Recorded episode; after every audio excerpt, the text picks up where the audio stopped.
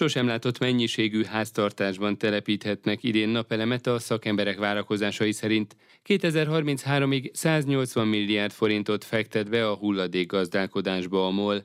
Olaszországban a pénzügyőrség és a rendőrség is komoly ellenőrzésekbe kezdett a benzinkutaknál, hogy az üzemeltetők az aktuális ár mellett az átlagárat is feltüntessék a töltőállomásokon. Erről is szó lesz a következő percekben itt az Energiavilágban, az Inforádió energiaipari magazinjában. Üdvözlöm a hallgatókat, Király István Dániel vagyok. A következő fél órában tartsanak velem. Energiavilág. Az energiavilága a világ energiája. 150-200 ezer közé tehető azoknak a háztartásoknak a száma, amelyek még tavaly megindították a napelem telepítéshez szükséges folyamatot, vagyis benyújtották az igényüket, hogy betáplálhassanak a villamos energia hálózatba, mondta az Inforádiónak Kisernő. A Magyar Napelem Napkollektor Szövetség elnöke szerint bár feszített lesz a tempó, de a kivitelező cégek képesek lesznek kielégíteni a megnövekedett igényeket. Tekintettel arra, hogy a villamosenergia piaci ára drasztikusan megemelkedett köszönhetően az ukrajnai orosz háborúnak, ezért óriási az igény a villamosenergia megtakarításokra, illetve az önfogyasztás csökkentő napelemes rendszerekre, mind a háztartások, mind a vállalkozások részéről. A vállalkozások most egy óriási segítséget kaptak, hogy sikerült megakadályozni, hogy elferel szabályozás alkalmas energiatározók kötelezzék az önfogyasztás csökkentő napelemes rendszereket. Ez gyakorlatilag megfelelőződött a napelemes rendszer rendszereknek a költsége, így a vállalkozások tömegesen jelentkeznek, és sorban építetik az önfogyasztás csökkentő napelemes rendszereket. A lakosság esetében pedig az elmúlt évben ugye a rezsicsökkentés mérséklése, valamint volt ez a 100%-os napelemes pályázat, illetve még a visszatáplálásnak az október 30-át követő felfüggesztése az új napelemes rendszerekre, ez is egy óriási nyomást jelentett. Közel ilyen 150-200 ezer darab háztartási méretű napelemes rendszer van most úgymond a puskacsőben, tehát ezek vannak valamilyen kivitelezési szakaszban. Így arra számítunk, hogy az idei évben hatalmas lesz a terhelés a tagvállalataink és más napelemes kivitelező vállalkozásokon. Mire számítanak, hányan lépnek vissza, illetve várhatóan hogyan változhat a beszerelésre váró napelemes igények száma, hiszen azért az elmúlt hónapokban, az év utolsó hónapjaiban történtek az elszámolásban olyan változások, amelyek sokak számára talán kevésbé teszik vonzóvá ezt a lehetőséget. Én azt tudom mondani, hogy piaci alapon most a napelemnek a megtérülési ideje két-három év. Tehát bárki, aki dilemázik azon, hogy érdemes a napelemes rendszerben gondolkozni, vagy sem, azokat mindenkit megpróbálnék meggyőzni arról, hogy igenis megéri. Azok a lakossági rendszerek, akik mondjuk hatósági áron kapják a villamos energiát, tehát azok a felhasználók, legalábbis az átlagfogyasztásig, ugye már bizonyos fokig megemelkedett nekik is a villamos energiár az átlagfogyasztás felett, ott ilyen 4-5 év a megtérülési ideje. Szóval Szalda elszámolás mellett 7-8 éve megtörülés. A százszerzékos pályázatban például nem lehetett szalda elszámolás, tehát az eleve már az új bruttó elszámolásra vonatkozik, de akik támogatás nélkül vagy MFB hitelből szeretnék megvalósítani a napelemes rendszereket, azokra még vonatkozik a szalda elszámolás, amennyiben október 30-ig benyújtották.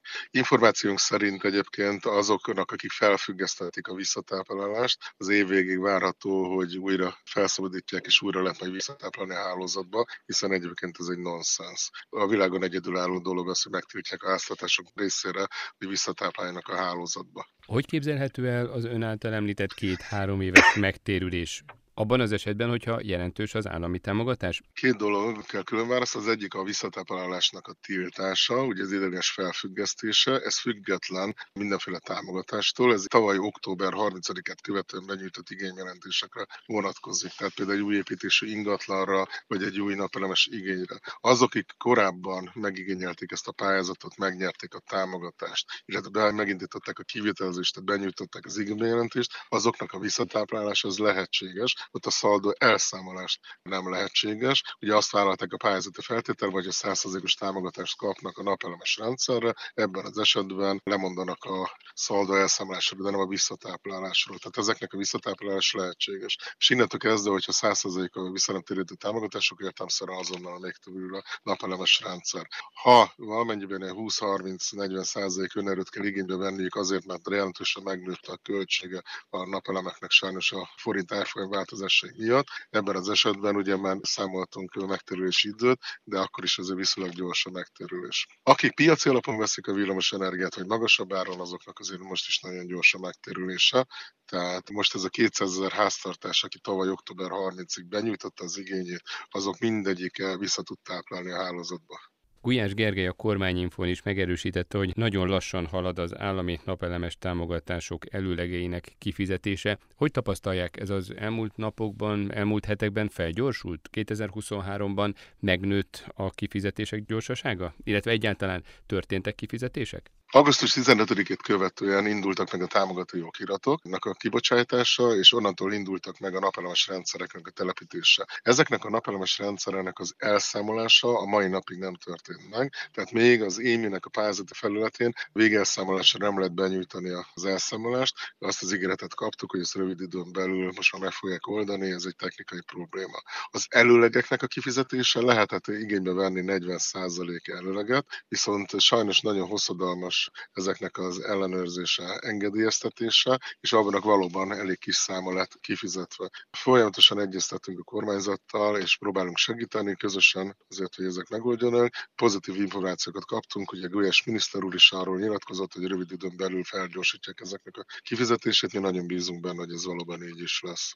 És hogyha az idei esztendőt nézzük, mire számítanak, mekkora kapacitás építhető be, illetve egyáltalán a szakma mire lenne képes, mekkora kapacitás beépítésére? Csak ebben a 100%-os pályázatban több mint ezer napelemes vállalkozás jelentkezett, hogy ezeket szeretné kivitelezni, és egy ilyen napelemes rendszernek a kivitelezés az mindössze egyetlen nap. Tehát egy 100%-os pályázatban lévő napelemes rendszer egy nap, az egészen nagy méretű lakossági rendszerek lehetnek esetleg mondjuk két nap. Tehát én azt gondolom, hogy a kivitelező kapacitásban ugyan lesz komoly korlát, de arra lehet számítani, hogy azért a jelentős részét meg fogják tudni valósítani a tagvállalatok. Ami jelentős akadályt jelent, ez a bürokrácia, bürokrácia, rendkívül hosszadalmas a napelemes rendszereknek az engedélyeztetése az áramszolgáltatónál, de érthető, hiszen hatalmas megterelést jelent nekik is. Tehát mi abba bízunk, hogy sikerül az áramszolgáltatóknak ezeket a folyamatokat felgyorsítani, és akkor gyorsabban, ha engedélyezik, akkor a napelemes rendszereket viszonylag gyorsan tudják feltelepíteni a tagok. És hogyha a kapacitást nézzük, ugye az elmúlt években szinte minden évben megduplázódott a beépített névleges kapacitás. 2023-ban mekkora lehet ez az arány?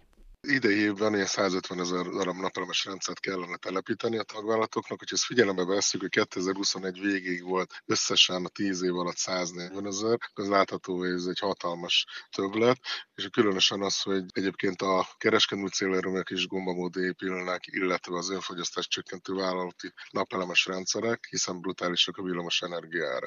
Tehát hatalmas nagy. Azt is látni kell viszont, hogy gombamód szaporodnak a napelemes vállalkozások, naponta alakulnak újabb és újabb újabb cégek, mi is csak kapkodjuk a fejünket, ezek nyilván növelik majd a felületeket, de hát sajnos ilyenkor fel is egy kicsit a szakma. Az új napelemes vállalkozások közül nem mindegyik feltétlenül rendelkezik a megfelelő tudással, tapasztalattal, eszközökkel, ezért mindenképpen óvatosan kell bánni velük. Meg kell győződni róla, hogy egy vállalkozásnak vannak-e megfelelő referenciái, megfelelő kivitelezési lehetőségei akkor akár meg is duplázódhat, ha jól értem a szavaiból a lakossági napelemes kapacitás 2023-ban?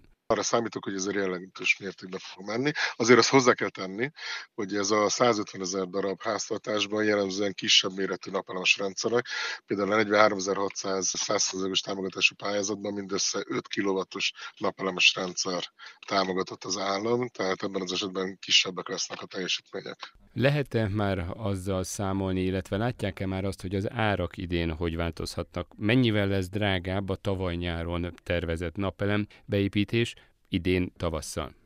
Az elmúlt év végén kb. 1400 megawattnyi napelemes kapacitás épült ki a háztartások részére, de háztartási méretű napelemes rendszerek. Arra számítunk a következő évben, hogy kb. 150 ezer háztartásban fognak tagvállalataink és más vállalkozások háztartási méretű napelemes rendszereket telepíteni. Ebből kb. az egyharmada az 5 kW vagy az alatti napelemes rendszer, hiszen a 100%-os támogatásban ezeket támogatták, tehát mindenképpen sok kisebb lesz. Egyébként az elmúlt évben az átlagos napelemes háztartási méretű rendszer az 8 kW-os volt. Kis Ernőt, a Magyar Napelem Kollektor Szövetség elnökét hallották. Energiavilág. Az Inforádió energiaipari magazinja az olaj, a gáz és a villamos energiaipar aktualitásaival. Július 1-től 35 évig a MOL lesz a felelős az évi mintegy 5 millió tonna települési szilárd hulladék begyűjtésért és kezelésért. A vállalat 10 évre szóló stratégiát dolgozott ki, és a tervek szerint 2033-ig 180 milliárd forintot fektet be ezen a területen, mondta el az Inforádiónak a MOHU MOL hulladékgazdálkodási ZRT vezérigazgatója. Pető Zsolt kiemelte, a MOL elsősorban alapanyagként tekint a hulladékra, és az a célja, hogy kétharmadát ismét felhasználják. Sipos Ildikó interjúja. Legfontosabb feladat a lakossági hulladék begyűjtése és kezelése, mind a körülbelül 4 millió háztartástól, mind pedig az ilyen jellegű hulladékoknak a cégektől, vállalatoktól való begyűjtése. Ez praktikusan azt jelenti, hogy a, ugye a fekete vagy barna vagy zöld vegyes kukákat, illetve a sárga vagy kék vagy különböző színnel jelölt szelektív kukákat ez év július 1-től a MOL feladata üríteni és elszállítani. Mit tesznek annak érdekében, hogy ezt a feladatot végre tudják hajtani majd? Valósítottak-e meg már beruházásokat annak érdekében, hogy ennek a feladatnak meg tudjanak felelni?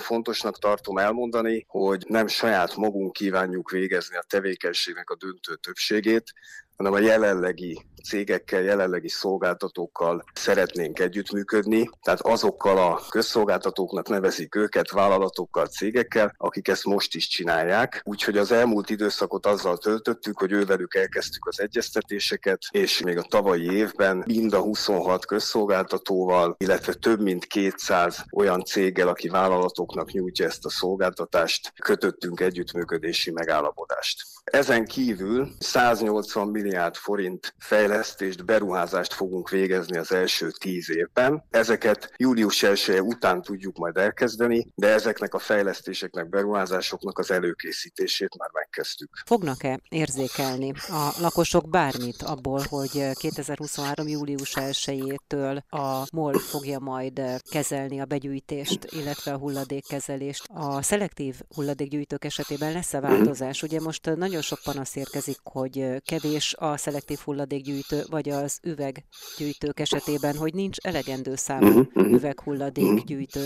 A leges legfontosabb feladatunk az az, hogy minél több hulladék legyen újrahasznosítva. Hosszú távú célunk, hogy a szemét, a hulladék kétharmada újrahasznosításra kerüljön. Papír, üveg, műanyag, fémek, de a használt sütőolaj is ide tartozik, különböző elektronikai berendezések, tévé, mosógép, mobiltelefonok, amire nincs már szükség, ezekre mind-mind alapanyagként szeretnék tekinteni. És itt két fontos dolog van. Az egyik az, hogy minél nagyobb arányban legyen szelektíven gyűjtve, minél több háztartáshoz kerüljön ki olyan edényzet, kuka, amivel szelektív hulladékot lehet gyűjteni. Most jellemzően vagy egy csomó helyen nincs is, vagy nejlonzacskos megoldás van. Ezeknek a kihelyezett kukáknak a számát szeretnénk növelni. Gyűjtőpontokat szeretnénk növelni. Egy konkrét példát mondok. A használt ruhát ma körülbelül 1500 helyen lehet elhelyezni. Ezeket a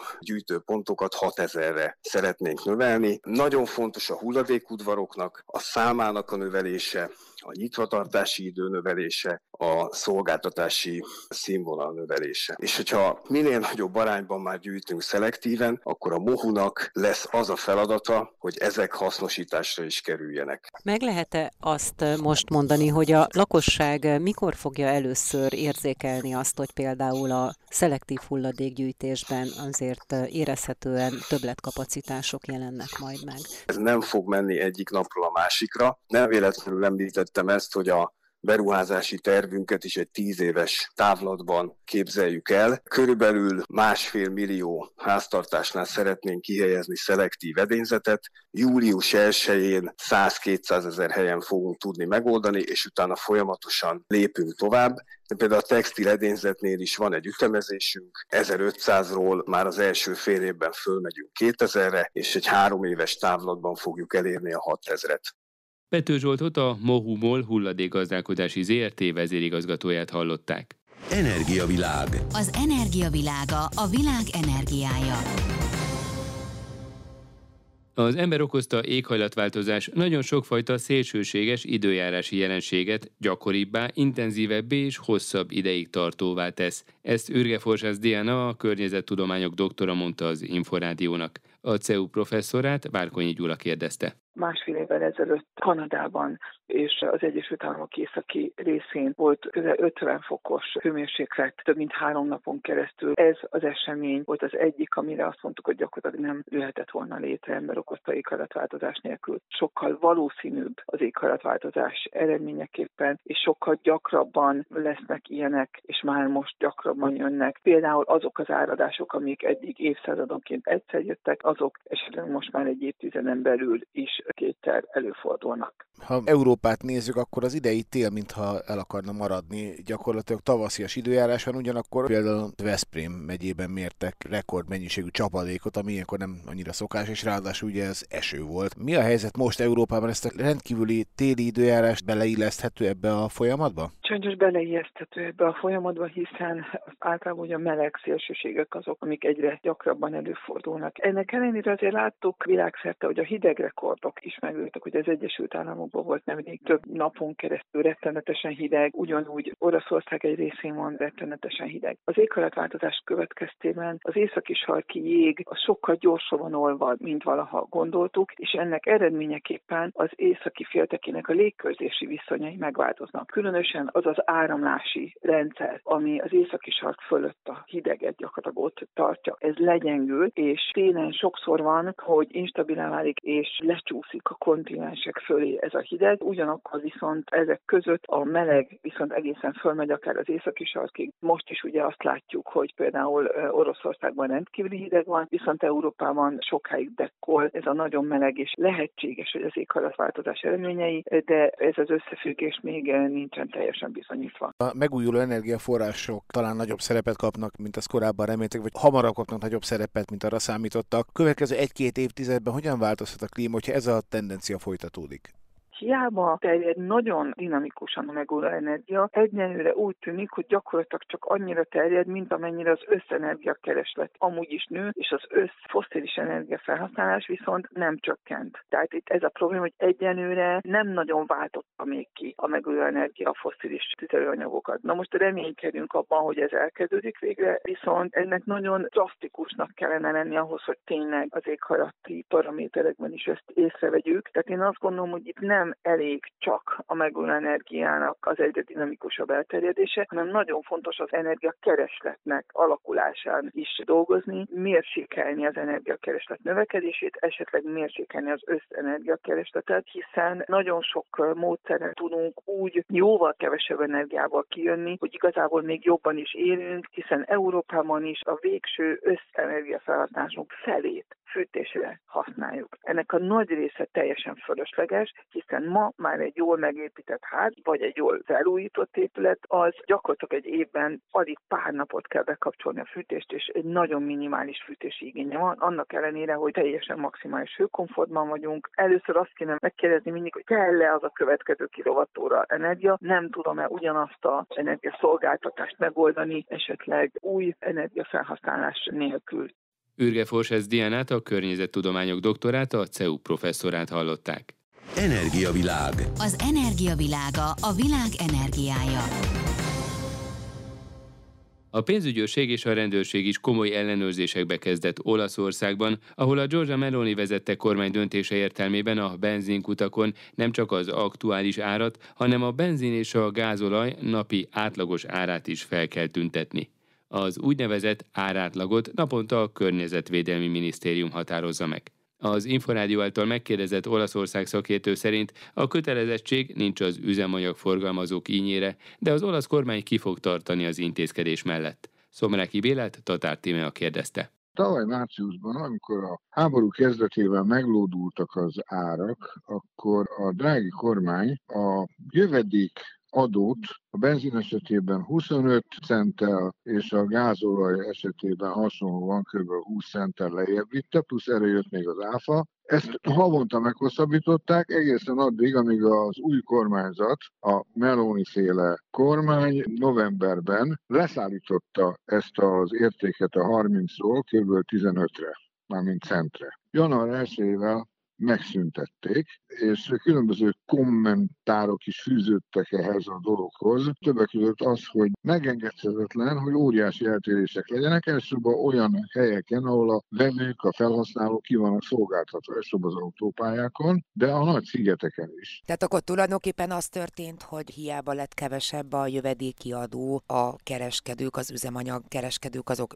mégiscsak éltek a lehetőséggel is magas árakat kértek? A kereskedők magas árakat kértek, olyan ez, mint amikor azt követelik sokan, hogy szállítsuk le az áfáját egy bizonyos áruciknek, kormányzat mondjuk teljesen, mint hogy még egy európai országról beszélünk, leszállítja, majd az ára három perc múlva ugyanolyan magas lesz, mert közben lenyelik az áfát, vagy lenyelik a jövedéki adót. Mondom, kitört a botrány, mert nagyon sok helyen nagyon nagy volt az eltérés, két euró fölé emelkedett 1,8 euróról például a benzinnek az ára. Forgalmazók kikérték maguknak, szó nincs spekulációról mondták, hanem arról van szó, hogy a jövedéki adóból adott engedmény eltörlése az vezet az emelkedésekhez. Na most ezen a Meloni kormányzatnak az illetékes minisztere, és maga Meloni is, finoman szólva, hogy is mondjam csak, nem vették jó néven. Szó nem lehet arról, hogy megint visszavezetik a jövedéki adócsökkentést, hanem minden egyes benzinkútnál ki kell írni az aznapi országos átlag árat, amit egyébként a ipari minisztérium állapít meg, amiből világosan látszik, hogy ki az, aki az ár fölött megpróbál ügyeskedni. Mire számít vajon az olasz kormány? Lehet olyan hozadéka ennek a feliratozásnak, hogy mondjuk az emberek odébálnak egy benzinkúttal, mert hogy azt látják, hogy a, az egyik az túlzottan nagy árissel dolgozik, és látják, hogy a másik az meg olcsóbb. Tehát lehet egy ilyen piaci átrendeződés is attól függően, hogy ki mennyire próbál nyerészkedni, vagy sem? Hát adhok nem igen lehetséges, mert aki éppen megszorult, nagyon siet, vagy éppenséggel az autópályán van, az mindenképpen be fog állni ahhoz a benzinkúthoz is, ami már 2-10 ér fogja mérni, magyarul mondjuk erőteljesen 800 forint fölött fogja mérni a gázolajat. De azért a többség, az olaszok többsége szeret spórolni, tehát berendezkedik arra, hogy igenis tervezetten vásároljon. Másrészt maguk a forgalmazók is megpróbálkoznak egy kicsit normális normálisabb irányt venni, ha csak nem akarnak összetűzésbe kerülni a versenyhivatallal, mert az a gyanú is fölmerülhet, hogy összejátszanak. De van egy nagyon fontos, legalábbis az olasz költségvetési mérleg szerint nagyon fontos hozadéka is a dolognak. A tavalyi évben ez a játék, hogy engedett a drági kormány, 9 milliárd euróval kevesebb folyt be az állam kasszájába, amit az olasz állam a jelenlegi helyzetben, ami egyébként már ugye évek óta tart egy rendkívül erőteljes eladósodás, nagy költségvetési hiány nem engedhet meg magának. Szomráki Béla újságírót, Olaszország szakértőt hallották. Energiavilág. Az Inforádió energiaipari magazinja az olaj, a gáz és a villamos energiaipar aktualitásaival. Az Energiavilág az Inforádió energiaipari magazinja ezzel véget ért. A szerkesztőműsor vezetőt Király István Dánielt hallották. Köszönöm a figyelmüket, viszont hallásra.